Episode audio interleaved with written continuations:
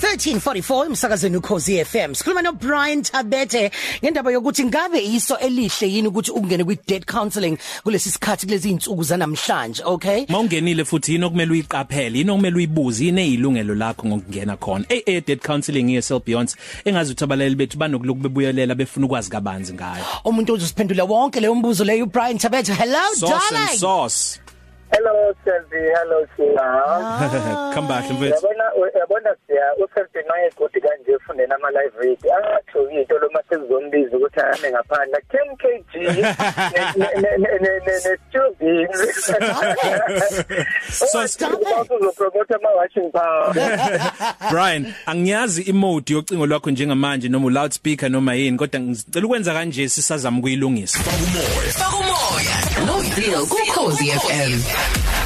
baba egameni lenkosi uJesu Kristu waseNazaretha. Baba siyabonga. Baba sibonga noma uthatha abazali bethu. Baba sikubonga noma sixakekile. Baba sikubonga noma inhliziyo zethu zingazi ukuthi ziyapi phinda ubuye ke emhlabeni wakho. Na umhlaba ubhubha nasi isifo sihlasela khala nabakhalayo njengamanje abagonqile balusuke ngcwele ube nomndeni yabo. Ngegama lakho malusuke ngcwele amen. Slender the dancing DJ uqotshiwe kulonyaka 2021 ukuthi abe la. Ufaka umoya wathi zilifuna ukududuza nje. Cela ukubonga wonke umuntu isiteshi sonke bonke abalaleli umndeni abangani umakhelwane esikhatsini esinzima emndenini osekhaya. Uma ungizalayo alale ngokuthula. Ubaba ungizalayo alale ngokuthula. Iwele lama wami lilele ngokuthula. Mr Mrs Dladla Mrs Mazubane Nkosibusise niwenzile konke ngisikhulise kahle. Fakumoya Fakumoya njalo ngomgqibelo ngo10 pm kuya ku 2 am kukhosi FM Speak to Brian usekhona and hey Brian. Hello Selvi. Oh yes much better Sengiyabona ukuthi indaba ngoba eqala ngisho ukuthi hey Brian so much good oh man Yabona idingeka kakhulu leyo. Brian ake silekelela abantu izikweletu siyazi sibaningi singenile kuzo ngize ungeke mhlawumbe umxoxelo omunye umuntu usuyayicabanga nawe into ye Hey. debt counselling baleke ngani Yeah. ukuthi sazi kabanzi kakhulu kakhulu ke manje njoba kuyi lockdown Ngiyabonga kakhulu Njomani. Ake ngiqale la siya. Ziningi izinhlaka zikahulumeni ezisiza mahala ha ezisiza umthengi.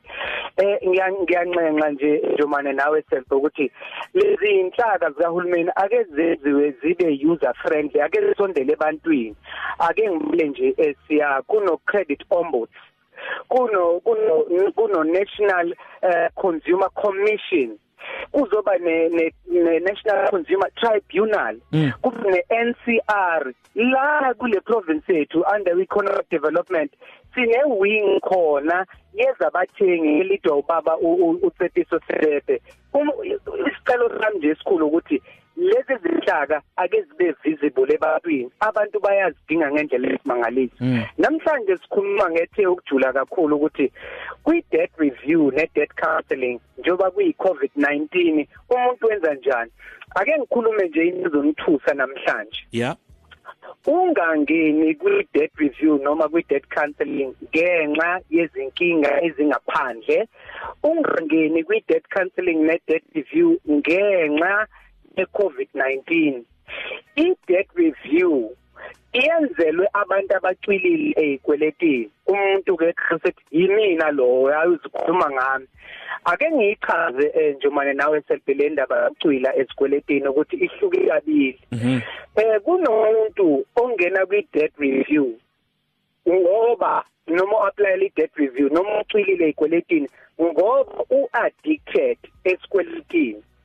So uma ngabe ukufika isikhathi se COVID-19 uthuthi usuyaxakeka ezimalini kodwa awukho addicted esikweleti Brian awichaze lento because uthini mawuthi umuntu addicted esikweletini uyabona nje mana ngabe kuthi nje khona siphi isidingo eqhamukayo wena uvela ubona ukuthi isolution yaso ukuthi kuhanjwe kuyofuna isikweletu. Make nje washika ngemali yokugibela sekuyofuna ufuna isikweletu. Wacabanga imoto kufanele kufuna isikweletu. Kuyangifihla ekhaya kufanele kufuna isikweletu. Wena impilo yakho nje wazi ukuthi isolution yempilo isikweletu ungenzeka ukuthi uaddicted ukuthi awazi wena ukuthi uaddicted Mm. lokhu ngikushisa ukuthi akumnandi ukuthatha abantu nabantu abangekho addicted ngoba labantu bahamba baphapha kusasa ukuthi yazi angithi mina ngiyo addicted esikweletini kodwa ukhiye we debt review ne debt counseling uma sekuvaliwe usungaphakathi uyoze uqede iprocess manje mawudiscover usungaphakathi ukuthi angikho addicted kahle kahle mina esikweletini kwakuyinkinga nje yeseze covid-19 but sengisimamile futhi eyimalini akusameki ke mntaka baba usiyohlala lapho uyoze uyiqede iprocess. And so ngifuna ukuthi namhlanje ngiyihlukanise kanjalo. Ingakho phela iprofession ibizwa ngecounseling. I-counseling ila udiscover khona umuntu ukuthi uqinile yini. Akuyena wonke umuntu eh Jomane othi eh, amanzi kafaro noma amanzi amponjwana ofune kumfake rehab. Eh kunabantu othi noma ngabe unankingane emhlabeni kodwa nje i-drug of choice noma into aphephela kuyona ibhodlela. Yeah. uma ejabulile ibhodlela. Uma e- e- ekhala ibhodlela lo muntu usenendawo yokuthi umfake e-rehab kodwa umuntu othi happy new year!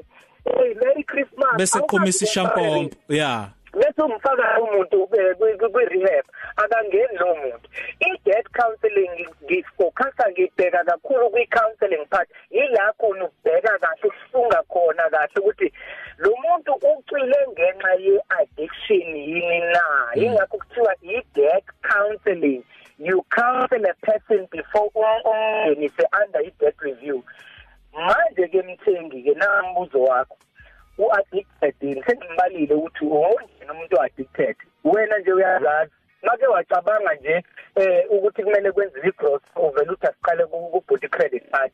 Uyayidinga i-debt uyayidinga i-counseling. Le counseling ayikakufaki kwi-debt review.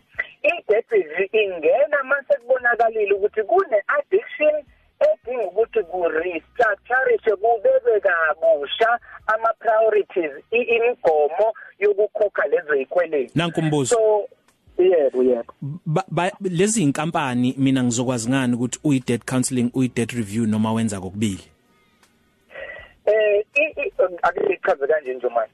I-profession i-counseling i-review indlela yo- yo- yoku-reviewa yoku- yoku- yokubhekisisa noma yokuhlela kabusha i- uhlelo ozokhokha ngalo. Oh kusho ukuthi So- mina kumele ngicizelele ukuthi ngicela ningenzise i-counseling ngaphambi kokuthi ningifake kwi-review. wena ke muntu njenga njengowuma ukuthi nje ngi- ngi- ngi- ngi- ngikwenzisa i-counseling mina njengodokotela njengoba akekho udokotela othi ufika nje esibhedlela athi ngena kwi-ICU Noma samsukuhlinza. Admithwa. Mm. eh u- mina kufanele ngiqabule kufanele ngibe nenhliziyo emsula nemhlophe ngingaphaketheni lakho ngibona ukuthi njengwane wena uze ngecounseling kodwa wena uyadinga ukuya e-rehab. U- u- wenzela njalo nje manje ukuthi lo muntu mayephaphama kusasa ethi bangadingi e-rehab usuthi sahlala nawe ngakutshengisa izathu. Okay. wena yabona ukuthi kune-addiction empilweni yakho ngo-one no-two no-three no-four esikweletini uzofisa ngesonto elizayo si- siqhube vele siyenze ibe uchungechunge singakwenza lokho nje manje ngingajabula kakhulu. Ngithola iy'celo ey'ningi zabantu abathi bafuna ukuphuma abachazelwanga eh ku- ku- kuyilungelo lakhe umlaleli ukuthi abe honest naye kuyena ukuthi ukusiphi isimo sempilo. Ngithe izimo ezingaphandla zisho ukuthi u-addicted Sure, Yeah. sure, sure, Brian. akusho ukuthi nje une-stress mhlawumbe usu-addicted yeah. Sikuthola kanjani um Brian? Imibuzo ukuze siliqhubele lo daba ungangibuza ku 083 623 1399 1391 inamba yami ka WhatsApp le ngicela ukuyiphinda selfie. 083 623 1391 hlonzwa ukuthi u addicted noma ukho addicted Siyabonga kakhulu Brian bye we love you.